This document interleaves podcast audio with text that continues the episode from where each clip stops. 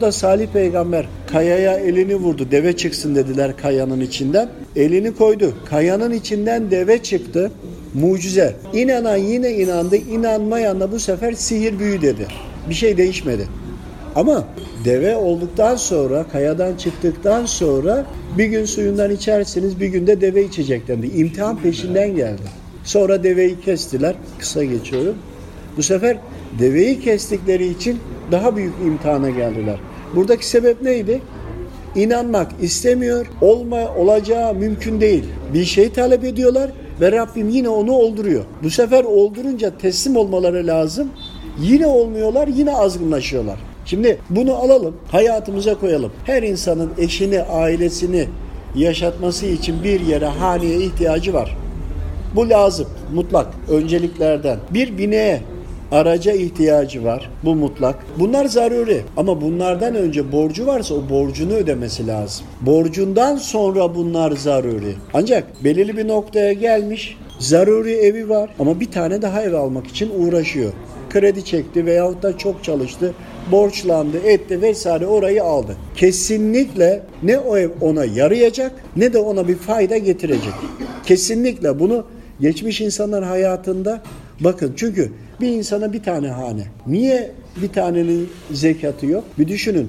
Zekatta bizim delilimiz burada. Yani birden fazla olan biriktirmeye gidiyor. Eşlerle ilgili olan değil. Dolayısıyla birden fazla olan zekata gidiyor. Araçta da aynı. İhtiyaç zaruret dışı.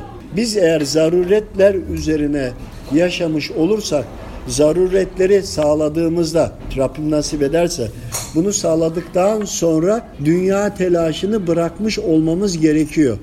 Bırakmadıktan sonra başlıyor her şey işte. Düşünün herkes düşünsün.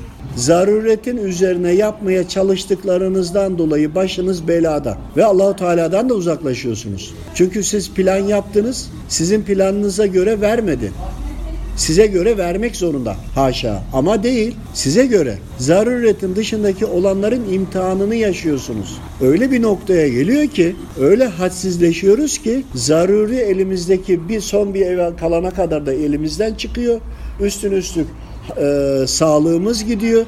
Üstün üstlük İslamların gözünde çok kötü duruma düşüyoruz, borçlu hale düşüyoruz. Bu sefer haşa yine Allahu Teala'yı suçluyorlar ya da onu cesaret edemiyor, insanları suçluyor. Aslında insanları suçlama, suçlayan insanların bilinç altındaki Allahu Teala'yı suçlar. Dile geçiremez, cesaret edemez ama samimi düşündüğünde der ki Allah bunu benim karşıma çıkarmasaydı. İyi de kazanırken çıkardı bir şey yoktu. Onun için bütün bizim bütün sıkıntımız zaruretin dışındakileri elimizde tutmaya çalışmamız Hatta zaruretten sonra bir tane olduğu zaman bir tane daha, bir tane daha, bir tane daha, bir tane daha, bir tane daha.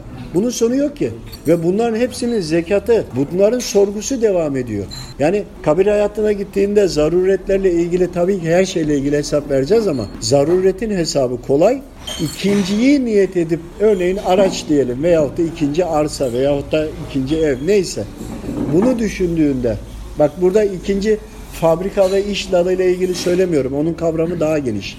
Çünkü insanlara vesile sebep olacaktır. Allah için eğer Allah için ümmete hizmet için insanlara vesile olmak için açıyorsa başka ama kendini daha üst kademede göstermek istiyorsa bu sefer o ikinci yerde onu zarurete sokar. Her zaman birin ikisi insanı zarara sok. Allahu Teala birdir. Eğer Allah'tan başka kendinize putlar edinecek olursanız sizi günaha sokar. Hane birdir, birden fazla sizi zarara sokar. Zaruretler birde kalır. Ya burada kastettiğim araç, ev vesaire. Hani e, evinizde bir tane televizyon, bir tane bilgisayar gibi. Hani çocuklar çoktur da aynı anda iki tane olur bilgisayar. Ayrı ayrı kişiler kullanır. Bunu kastetmiyorum. Veyahut da çocuğum büyüyecek, evlenecek diye şimdiden biriktirmeye başladın. Çocuğum büyüdü ve hepsinde aynı oldu. Bir tane farklı çıkmadı. Belirli bir noktaya geldi, çocuğu büyüdü, evlendi, malı yine vermedi. Bu sefer dedi ki ben torunlarım için biriktiriyorum. Torunları da büyüdü, torunlarına da vermedi. Çocuklarım için biriktiriyorum, torunlarım için biriktiriyorum demek ya ben kendim için biriktiriyorum da söyleyemiyorum diye bu işin şeyidir, yalan boyutudur. Samimi olarak düşünen bunu anlar. Ama bunu da kabul etmek istemeyen kendi bilir ama bu da konunun özünü değiştirmez. Onun için bizim manevi olarak ilerleyemedik diyoruz değil mi? Zikirler çekiyoruz, tesbihatlar, dualar. Tamam. Tesbihat Rabbimin izniyle var olanı temizler ve güçlendirir. Gelecek olanlara da rahmani kapılar açar. Fakat hayatın tamamı ibadet. Farz olmazsa olmazlar var. Onlar mutlaka olacak. Ama onu bu farzlar ana direk. Yan desteklerle neyi ne ne destekliyoruz? Zekat farz ama sadaka ilmin sadakası komşunun sadakası bildiğini faydalı bir şeyi sen etrafındakilere anlatmazsan ama herkese de anlatılmaz anlayacağı yani e, zalimle oturan zalim kalkar alimle oturan alim kalkar bunu da denge için akletmek lazım demek istediğimizi iyi anlayalım ama sen eğer paylaşmadığın paylaşmazsan paylaşmadığın hiçbir şey çoğalmaz günahı dahi paylaşmazsan çoğalmaz alkol kullanıyor evinde kullansın sürekli evinde kullanır zaman zaman düşünür ve öyle kalır. Yani düşünür zaman içinde azaltır. Mutlaka. Ne zaman ki sokağa çıktı bir kişiyle daha yan yana geldi alkol aldı sonra mutlaka birhaneye gider. Kalabalık ortama gider. Yani birken günahı ikiye, üçe, dörde çoğalttı, delillendirdi ve şahitlendirdi. Ama tek başına evinde içmiş olsaydı tövbe ettiği zaman şahitleri de yoksa eşi de gerçekten mümine bir kadınsa eşinin sırrını dışarı vermediyse o zaman bir problem kalmayacak. Gittikçe o günah azalacak çünkü bir ağaç gibi toprağın üzerinde yeşerip büyümüyor. Aynısını tüm amellerimize ve niyetlerimize bir bakalım. Bütün hepimizin ben de dahil yaşadığımız problem birden ikiye gitmek. Yani çoğaltmak. Eğer ki isteklerimizi bize lazım olduğu kadar olursa yani sofraya oturuyorsun bir dilim ekmek yiyeceğini, bir, e, dilim yiyeceğini biliyorsun. Sen oraya bir ekmek koyarsan sen onu yiyemeyeceksin. Ama orada fazla olduğu için de yemek isteyeceksin. Yersen bedenine zarar verecek. Bedenine zarar vermeyi bir tarafa. Ruhunu sıkıştıracak. ibadetten de tadı alamayacaksın.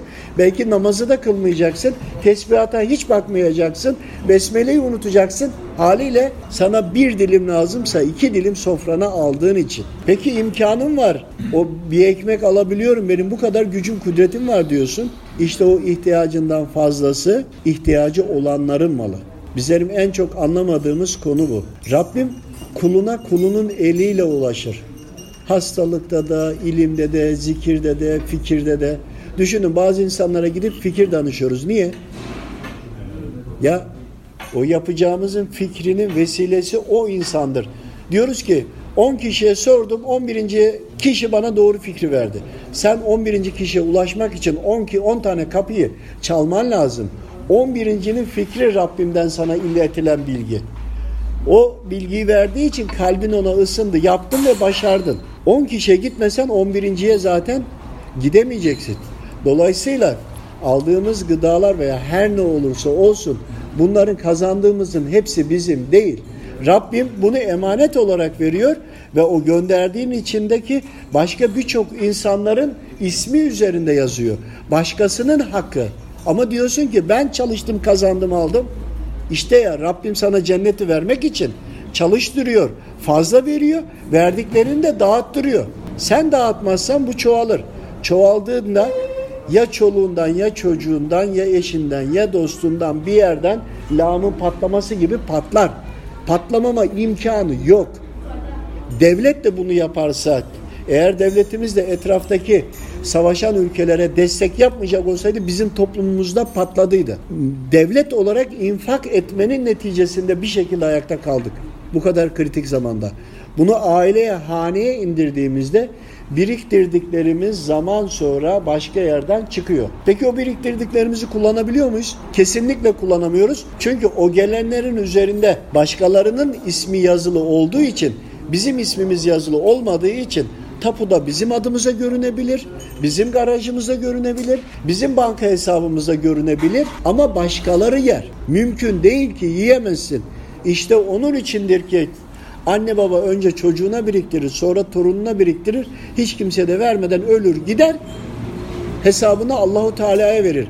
Ulaştırması gerektiği yere ulaştırmadı. İlim de böyle, fikir de böyle, rızık da böyle.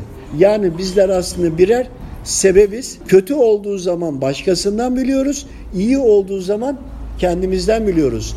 İyi olduğu zaman da Allahu Teala'dan bilip kötü olduğu zaman da şeytan vesilesi dolayısıyla bizim şeytana tabi olduğumuzdan dolayı olduğunu bilmediğimiz sürece cenneti boşuna ümit etmeyin. El Fatiha.